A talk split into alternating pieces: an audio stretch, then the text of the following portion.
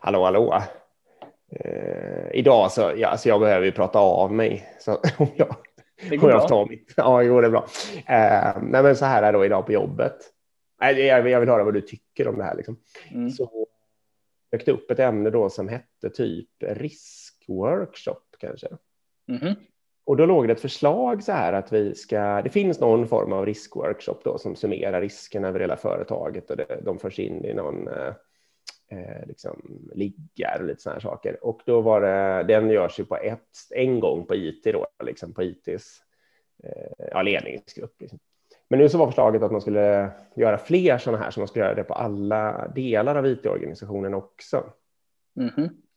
Eh, och jag kände så starkt att jag så här, du vet, då låter det så här lite bra. Ja, nej. Självklart måste vi ta reda på riskerna.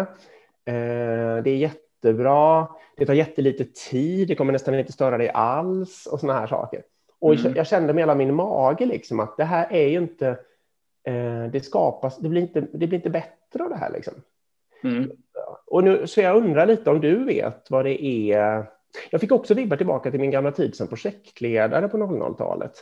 Mm. Eh, När jag själv gjorde sådana här riskanalyser för Mm. projekt då. Och jag, jag kände mig så viktig och det så fint allting. Och, och vi skulle, det var sådana här ett ettor liksom, alltså hög pri och hög påverkan och de skulle vi minimera. Så. Men jag, Ja. ju liksom, sen gick ju projektet åt helvete. Ja, exakt. Och det berodde ju på att projektmetodiken som sådan inte fungerade. Och de där riskerna. Ja, du fattar. Men Så jag frågan är inte bara, vad är det för risker? Är det bara generella risker eller Ja, liksom säkerhetsrisker? Eller liksom, det kan vara utan vi kan bli sena med den här leveransen, så vilket påverkar det här och så vidare. De ska ha ganska stor ekonomisk påverkan då, så att det kanske Okej. räknas i tiotals eller hundratals miljoner i alla fall. Eller något Ja.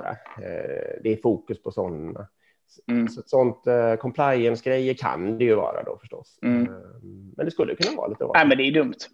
Ja, men vad, vad är det som gör att det är så svårt att förklara? För alla, det, det som hände också var att alla mot mig. Ja, såklart. Ja, ja, Nej, Nej, men det blir rätt så. ja. Eh, nej, men så här, jag tror så här, eh, om ni ska titta på på riktigt vilka är era största risker, det är ju att ni antagligen redan är alldeles för långsamma med att leverera kundvärde. Liksom. Ni har antagligen Ja. alldeles för lång, er största risk mest troligen, och allas företags största risk är ju att det är för lång tid mellan idé och kundvärdeskapande. Liksom. Ja. Och, Ja, och den- och vi skulle kunna bli utkonkurrerade på någon slags fri marknad och snabbare företag. Liksom. Exakt. Jo. Och, eh, och det ni gör nu med den här övningen, det är att ni blir bara ännu sämre på den hela tiden. Ja. För nu adderar ni bara ännu mer admin. Liksom. Det är det som Ja. blir lite dumt. Ja, men då tycker då många att eh, den adminen nästan är försumbar. Och, eh, Men det skapar inget värde. nej, jag försökte säga det. Jag, jag hänvisar till och med till regndansen. Och sånt. Ja. Det kanske nästan var onödigt. Jag vet inte. Det bara väckte mer ont blod. Ja, jag förstår det. Nej, men jag tror att jag tror inte. Eh, nej, jag, jag tror inte på sådana här one-off. För grejen är problemet med det är okej, då får ni teoretiskt en vattenstämpel. Äh, ni får en tidsstämpel på Mm. vad som är riskerna. Men de, det hinner ju ändras i den här Ja. världen. Om en vecka är det inte samma saker mest jag. Då har det hänt helt andra saker och helt andra saker har bubblat upp och så vidare.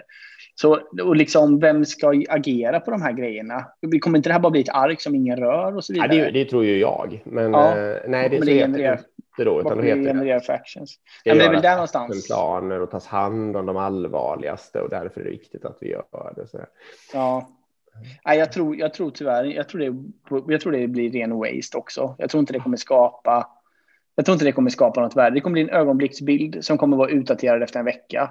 Då måste man snarare hitta något annat i organisationen. Hur kan vi få in i vår dagliga rutin att Ja. hitta risker? Hur kan vi liksom på något sätt ha det som ett, som ett perspektiv eller som ett par glasögon när vi tittar på organisationen hela tiden?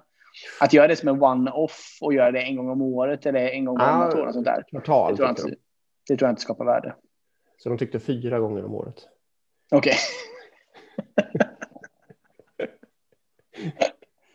Nej, det är svårt, men det är mest... Ja, det, jag tror inte det kommer vara så. Jag, jag, det känns spontant som en dålig idé. Ja, eller hur? Och jag tror mitt egen starkaste känsla det är att vad som kommer, vad det kommer leda till är att jag stör, inte alla mina medarbetare förstås, men, men eh, alldeles för många människor i min, i min organisation. Liksom. Mm.